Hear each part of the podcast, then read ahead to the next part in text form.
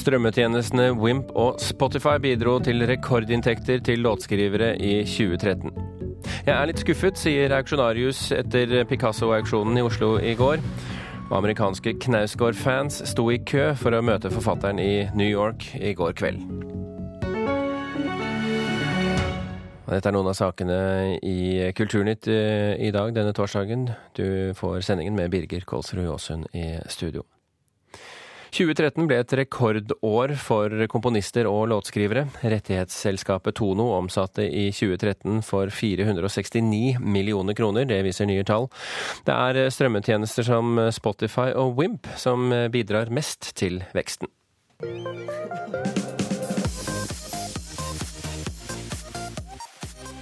Vi har hatt eh, ganske flaks med en del av låtene våre. Vi har, vi har prøvd å gjøre det morsomt og enkelt å synge med på låtene. Og, og det virker som det, det er det folk kicker ordentlig på. Mikkel Kristiansen og Simen Auke i Broiler har funnet suksessformelen. I fjor fikk de en monsterhit med låten 'Vannski', som er lyttet til over 16 millioner ganger på Spotify. Det ga nok til salt i grøten for dance-duoen. Det er jo ikke derfor vi lager musikken, egentlig, men, eh, men det, at, eh, altså det viktigste for oss er at folk synger med på sangene. At vi ser at, at vi lager smil i ansiktet til folk. Da. Og det føler vi at vi har klart med musikken vår. Dette er hitmusikk. Dette er musikk som lykkes i de nye kanalene. På kontoret i Oslo sentrum lytter Willy Martinsen til hitmakerne fra Drammen. Han er kommunikasjonsdirektør i Tono, rettighetsorganisasjonen som samler inn penger på vegne av komponister, låtskrivere og tekstforfattere. Ferske tall viser at 2013 ble et rekordår for selskapet. Omsetningen i 2013 var på rett under 470 millioner kroner. Og det syns vi er fryktelig gledelig, ikke for vår egen del her, men fordi at det er penger som går videre ut til de som faktisk skriver musikken. Strømmetjenester som Spotify og Wimp står for en stadig større del av omsetningen. I fjor økte inntektene fra strømmetjenestene kraftig, og endte opp på 74 millioner kroner, nesten sju ganger så mye som i 2010. Den største driveren i veksten nå er eh, online. Eh, Der hadde vi en 50% vekst i fjor. eh, og Det er jo i takt med at stadig flere bruker streamingtjenester og blir betalende abonnenter. Men det er utenlandske musikere som har størst grunn til å glede seg over rekordresultatet. For siden nordmenn lytter mest til utenlandske artister, sendes godt over halvparten av pengene ut av landet. 12% av det som streames er eh, norsk materiale. Det er jo fryktelig lavt. Man kunne ønske seg at andelen eh, norsk musikk kunne øke. Eh, det ville gjort det mye enklere for norske komponister også, hvis mer av inntektene faktisk ble i landet.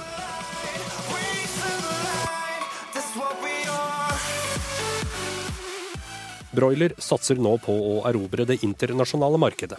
Neste uke slipper de singelen 'Race of Light', og Mikkel Kristiansen og Simen Auke tror hitformelen vil fungere også på engelsk. Vi har, vi har prøvd å på en måte oversette det gamle, gamle humoren vi hadde i, i låtene våre, over til engelsk og beholde hva skal, man si? Litt samme enkle sjarmen, Ja. kanskje. Vi har solgt mye musikk på det og hatt, uh, hatt mye bra tider med, med, med, den, med den visjonen, så vi velger å følge den. Enkelt og greit. Det funker uh, veldig bra for oss. Og reporter her, det var Halvor Haugen.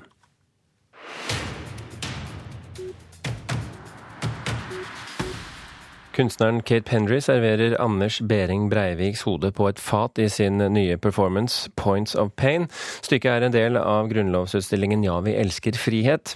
Pendrys kunst blir ofte oppfattet som provoserende, men det er ikke hensikten, sier hun til Dagbladet i dag. I arbeidet med stykket har hun hatt kontakt med støttegruppen for 22. juli-ofrene.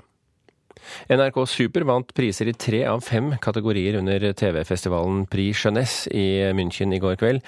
Sommeren med pappa vant i kategorien dramaserie for barn under seks år, mens Kampen vant i samme kategori for barn mellom sju og elleve år. I tillegg vant Best i mest, kategorien fiction non-fiction for ungdom mellom 12 og 15 år. Forfatter Ingvar Ambjørnsen jobber nå med en ny bok om romanfiguren Elling. Det er 15 år siden den siste boken om Elling kom, og forfatteren trodde aldri han skulle skrive om ham igjen. Elling meldte seg plutselig på igjen. Nå er han nesten 60 år og blogger, sier Ambjørnsen. At jeg har fått så mange forespørsler opp gjennom åra eh, om, om han ikke dukker opp igjen. Og jeg har alltid svart nei. Men nå er han der. Og, og jeg har allerede nok stoff til å presentere Elling igjen for det publikum som måtte ønske det. Det er mye jeg ikke vet. Jeg vet lite om hva som har skjedd i de 15 åra som har gått. Det jeg vet, er hvor han er nå, hvordan han er, altså hvordan han sitter og blogger nå. Altså, jeg får på en måte eh, Jeg vil ikke lyde som noen sånn New Age-figur, men altså, jeg får på en måte jevnlig eh, eh, meldinger fra, fra Elling. og Til nå så har jeg et sted sånn mellom 50 og 60 blogginnlegg. Sa Ingvar Ambjørnsen. Regissør eh, Ulrik Imtias Rolfsen skal lage film i Hollywood. Filmen heter 'Breathe' og skal produseres av Jonathan Sanger. Det forteller Rolfsen til VG i dag. Sanger har tidligere vært produsent for filmer som 'Vanilla Sky' og 'Elefantmannen'.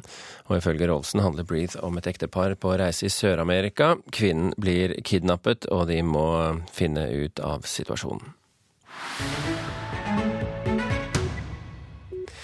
Det er ikke bare Picasso-bildene på Y-blokka som engasjerer i Norge for tiden. I går kveld gikk ti sjeldne grafiske verker av Picasso under hammeren på auksjon i Oslo. Men det gikk ikke så bra som auksjonshuset hadde håpet. Ja, så eh, er klokken seks. Hjertelig velkommen hver og en til våre to auksjoner her eh, i kveld. Vi skal selge Munch, Nesch Picasso først. Første halvtimen. Liten pause. Og så da jubileumsauksjonen vår etterpå der. Men det er verken Edvard Munch eller Rolf Nesch eller jubileumsauksjonens norske gullaldermalere som lokket oss til Grevedels plassauksjoner i går kveld. Det var ti grafiske blader fra Pablo Picassos hånd. I 50 år har de vært eid av en samler her til lands. Nå selges de av anonyme arvinger. Picasso har kommet på mange slepper i det siste, ikke minst pga. tautrekkingen om hva som vil skje med den sandblåste Picasso-dekorasjonen på regjeringskvartalets Y-blokk når den skal rives. Picasso The Rape fra 1933.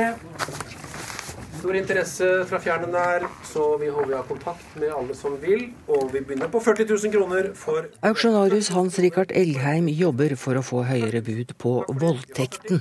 Et riktig brutalt bilde blant de ellers mer siviliserte, brunstige motivene av en minotaur eller en skulptør intenst opptatt av kvinnelige modeller. Av ti bilder blir sju solgt. Prisene ligger rundt antydete minstepriser, og det dyreste anslått til en halv million forblir usolgt.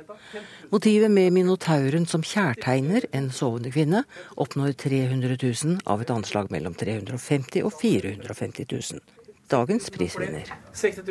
Kommer vi til å se en eh, fremtidig aksjon tilsvarende denne over Picasso-bilder? Men det fins faktisk relativt mye Picasso-grafikk i Norge. Så at, eh, at, det kommer mer ut etter hvert, det tror jeg nok. Det er klart det hadde vært kortere vei hvis dette hadde gått enda høyere enn de gjorde i dag. Jeg er litt skuffet, eh, det er lov å være. Basert på forhåndsinteressen så syns jeg nok at konkurransen ble lavere enn jeg hadde trodd. Det vi nok ser er at det er nok av utlendinger som melder seg, men det er handlere. Og handlere vil gjerne gjøre et godt kjøp. Så de forholder seg passive og byr ikke mer enn de må. Og reporter eh, her, det var eh, Sølvi Fosseide. Amerikanske Knausgård-fans sto i kø for å møte forfatteren i New York i går kveld. Knausgård er i USA for å lansere bok tre i Min Kamp-serien, som er blitt godt mottatt i USA. En av de som møtte opp i Community Bookstore i Brooklyn, det var skuespilleren Corey Stoll, som mange kjenner fra eh, House of Cards, der han spiller kongressmedlem Peter Russo. Karl Ove Knausgård sitter og skriver autografer foran 150 mennesker i bokhandelen Community Bookstore i Brooklyn, New York. Flere vil inn, men får ikke plass. En av de som fikk plass og autograf, er House of Cards-stjernen Corey Stoll. Han leser Min kamp 1. Thank you very much. Thank you. I, I, I think what's, what's brilliant about the book is its specificity to his own life. And det som er så bra med bøkene, er at de ligger så tett opp til forfatterens eget liv. Og jo mer spesifikk en forfatter er, jo mer universelle blir hans opplevelser, sier han. The more real it, it seems, and the more those echoes in one's own life feel real. Knausgård hadde sin første opptreden i New York i går kveld som en del av lanseringen av Min kamp 3 i USA. Han er i ferd med å etablere seg som en av de viktigste norske forfatterstemmene internasjonalt, og bøkene har fått god mottagelse i USA. Ansatte i bokhandelen omtaler han som en rockestjerne. Um, Han er et fenomen i litteraturverdenen, sier Michelle Philgate.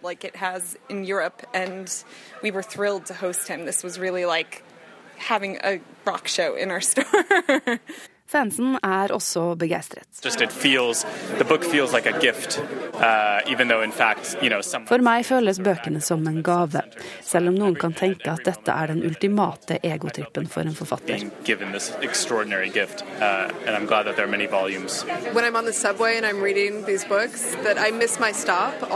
Når jeg leser bøkene på T-banen, mister jeg alltid stoppet jeg skal av på, sier hun. Um, it's really amazing to me. Just, like, so I natt møtte Knausgård den anerkjente amerikanske forfatteren Nicole Crouse. Torsdag kveld venter samtaler med forfatterne Sadie Smith og Jeffrey Eugenides. Det er morsomt, det.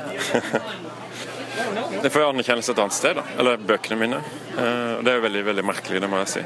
Det er faktisk eh, Det tar jeg ikke inn i det hele tatt. Det her er som å være med i en eh, slags science fiction-film. hvorfor klarer ikke du å ta det inn over deg? Jeg vet ikke. Det er så veldig langt unna det vanlige livet mitt i det familie og sånt. ikke sant? Det, det er nesten det motsatte. Det var veldig rart, for jeg satt og signerte, og så kikka jeg opp, og så så jeg en i House of Cards, eh, TV-serien. og Han, eh, han eh, har sett på TV, ikke sant. En, ja, men Det er sånn du syns du kjenner han, ikke sant. Så tenkte jeg først at jeg kjente han, ikke sant. Sånn. Det er veldig merkelig, alt sammen. Ja, du hørte Karl Ove Knausgård i samtale med Anne Irén Finstad, og du hørte også reporter Eirin Venås Sivertsen. Klokken er akkurat rundet kvart over åtte. Du hører på Kulturnytt, og dette er toppsakene i Dagsnytt nå. Regjeringen vurderer å gi politiet lov til å bruke kuler som utvider seg i kroppen til den som blir skutt.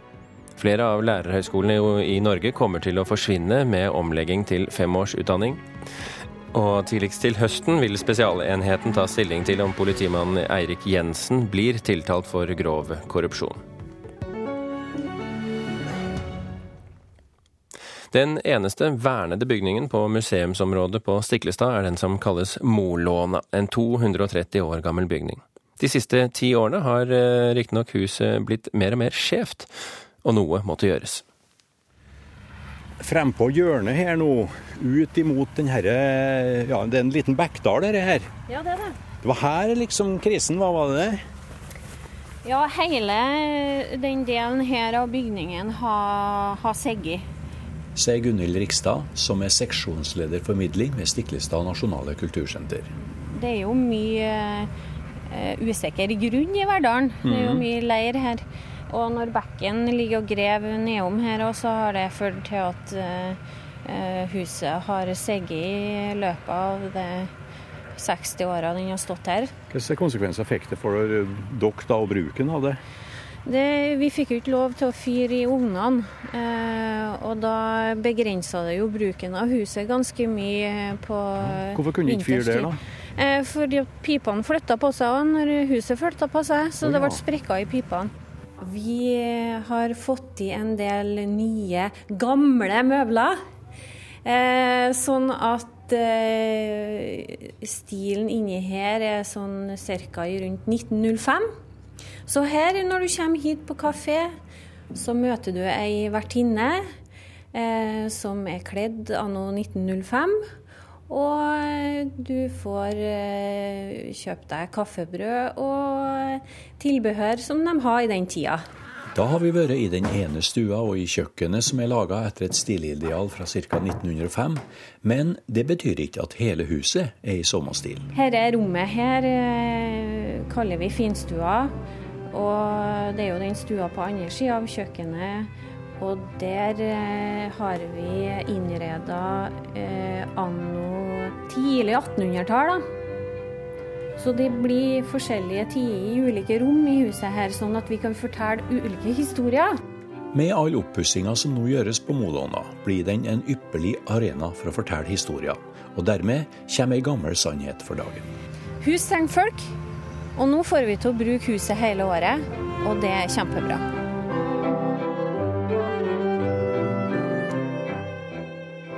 Du hørte til slutt Gunhild Rikstad, og reporter her det var Bjørn Solli. Noen har kalt forestillingen Forvandlingen for en teatersensasjon, andre for teatermagi. I kveld spilles den for 50. gang på Nationaltheatret, før det er slutt om to uker, og forestillingen skal videre ut i verden. Vi sendte vår reporter oppover i kulissene. Her er det en veldig trang trapp, så du må passe på hodet at det ikke, at det ikke slår deg på veien opp. Og Her løper dere opp og ned under forestillingen, og det ser helt naturlig ut. Helsike. Her er vi da noen meter over gulvet. De beskyldningene de nevnte om økonomisk utroskap, er absurde, herr Stittel. Jeg avfeier dem som grunnløse. Those accusations you mentioned, herr Stittel, are absurd. I refute them. Ásakanir þínar í minn gard eru fáránlegar, herr Stittel. Jeg avneita þeim algjörlega. Greta, Her spiller Gisli Ørn Gardarsson hovedrollen, opp ned i taket og på veggen. Dette er 'Forvandlingen' av Frans Kafka, et stykke Gardarsson har fått flere priser for, senest som beste gjestespill i Boston i USA i fjor. Musikken får han som vanlig, laget av Nick Cave. The marigold,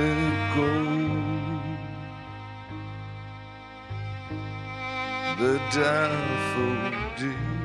Teaterkompaniet Gisli har grunnlagt på Island, Vesturport, er så ettertraktet at det finnes tre sett scenografier.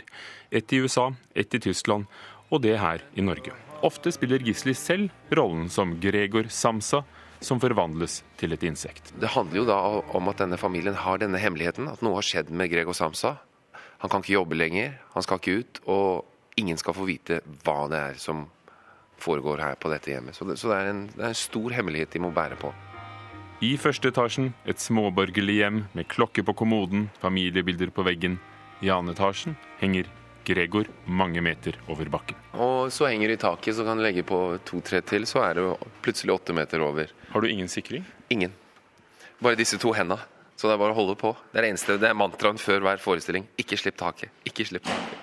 Hva var tanken din da du tenkte ut stykket og, og sammen med scenografen at dere skulle snu perspektivet? Det har jo noe med det å gjøre at når man skal gjøre dette til en forestilling, så kan man jo ikke ha et insektkostyme på. Det ville jo blitt litt rart. Og Kafka sa jo selv eh, boken handler jo ikke om at han er et insekt, det handler jo om noe annet. Så ikke sett et bilde av et insekt på boken. Men så gjorde de det da når han eh, døde, eh, som var faktisk 90 år siden i forrige års. Vi kan ikke sette fingeren på akkurat hva som har skjedd.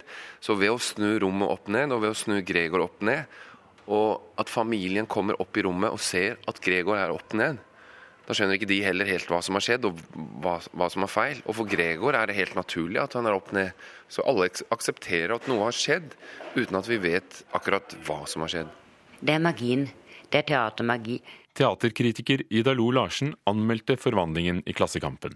Hun har sett stykket flere ganger, og kaller det helt usedvanlig. Og det er dessverre for svært sjelden at man virkelig opplever den typen teatermagi. Jeg har opplevd det et par ganger også på norske teatre, altså med norske iscenesettelser og sånn.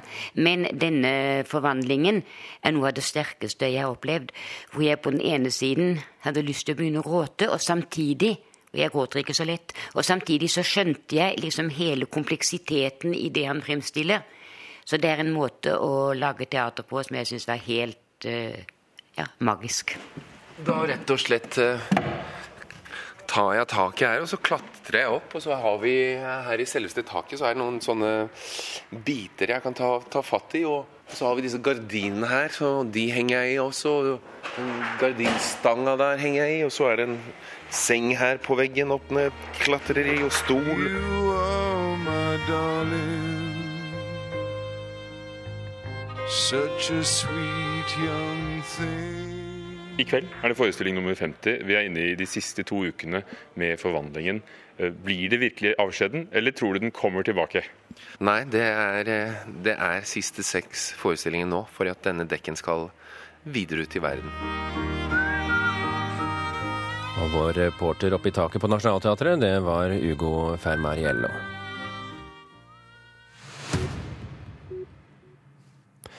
Kule kryp er en film uten tale hvor alle skjønner alt som blir sagt. Filmen er fransk, frisk og freidig, og den byr på innhold og stoff for tanken. Barn og besteforeldre fanger opp hver sine poeng. Her er vår anmelder Einar Gullvåg Staalesen. Kule kryp en deilig sak. Den er vakker, den har et innhold, den er spennende historie. Den moraliserer ikke, men den er moralsk.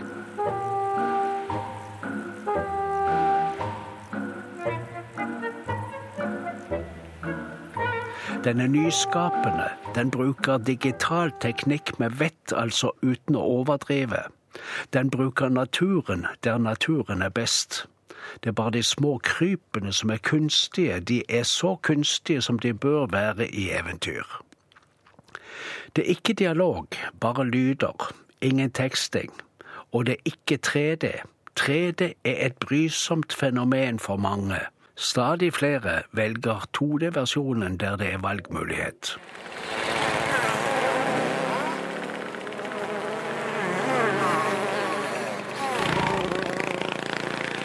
Dette er insekttrafikk på mikronivå med dyrisk design. I begynnelsen er marihøna der. Så er det maurene. Først de svarte, så de røde. Så småøglene. Så sommerfuglene. De er der forresten hele tiden, til pynt nærmest. Når vi havner i bekken, treffer vi gjedda. Det er et fargerikt fellesskap. Noen finner ut av det med hverandre, og andre ikke.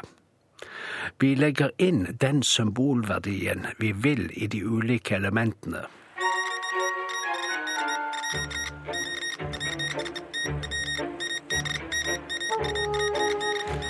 Det er forresten ikke vi som havner i bekken, det er marihøna og et snesmaur. I denne filmen, som forteller om dyrenes liv som ligner vårt, går alt ut på å bære mat hjem og holde hjemmet i orden. Alle bærer på sin livrett. Agurker, gresskar, rotfrukter, nektar. De svarte maurene har funnet en boks med sukkerbiter. De sukkerbitene vil de røde maurene også ha. Så de borer en brusboks og kaster seg i bekken og følger matboksen til de svarte maurene, utfor stryk og oppfor bakke.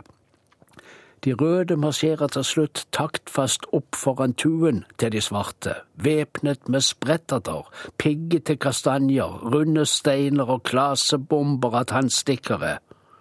De svarte står imot med festraketter. Det er mye som gjør inntrykk i denne filmen. Ulike saker for ulike aldre. Alle skjønner alt som blir sagt.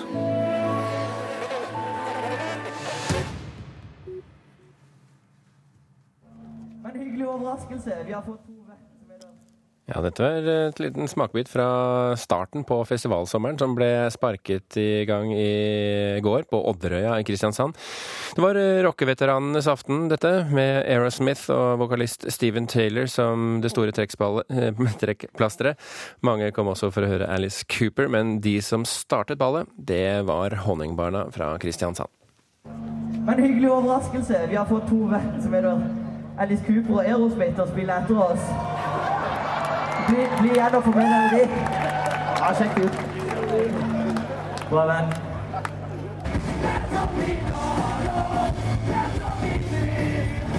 Vi skifta jo liksom under scenen, mens Aerosmith hadde et backstage-telt til hver person. Og I løpet av konserten vi ble så sinnssykt slitne. Det var så mye, det var så, stor, det var så mye avstander og så mye fram og tilbake. Eh, forholdet mitt til Alice Cooper. Eh, Alice i Eventyrland, Mini Cooper. Steven Tyler er ti rynk og fattigere etter at vi spilte i dag. Vi spilte jækla teit. Blåste Botoxen ut av leppene sine, i hvert fall. Har dere hilst på de bak scenen? Nei, vi lov. Vi får ikke lov, vi får ikke lov til å være backstage pga. at de skal visstnok gå der. Men altså, disse folkene her er tre ganger så gamle som dere. Hva tenker dere når dere tenker framtida som uh, musiker? Uh, hvis vi spiller band når vi er 60 år, skal vi ikke bli så grusomme folk mot, uh, mot de som er under det, liksom. Vi er jo punkerne her i dag. Vi er de unge her i dag. Vi er her for å ha det gøy, i hvert fall, liksom.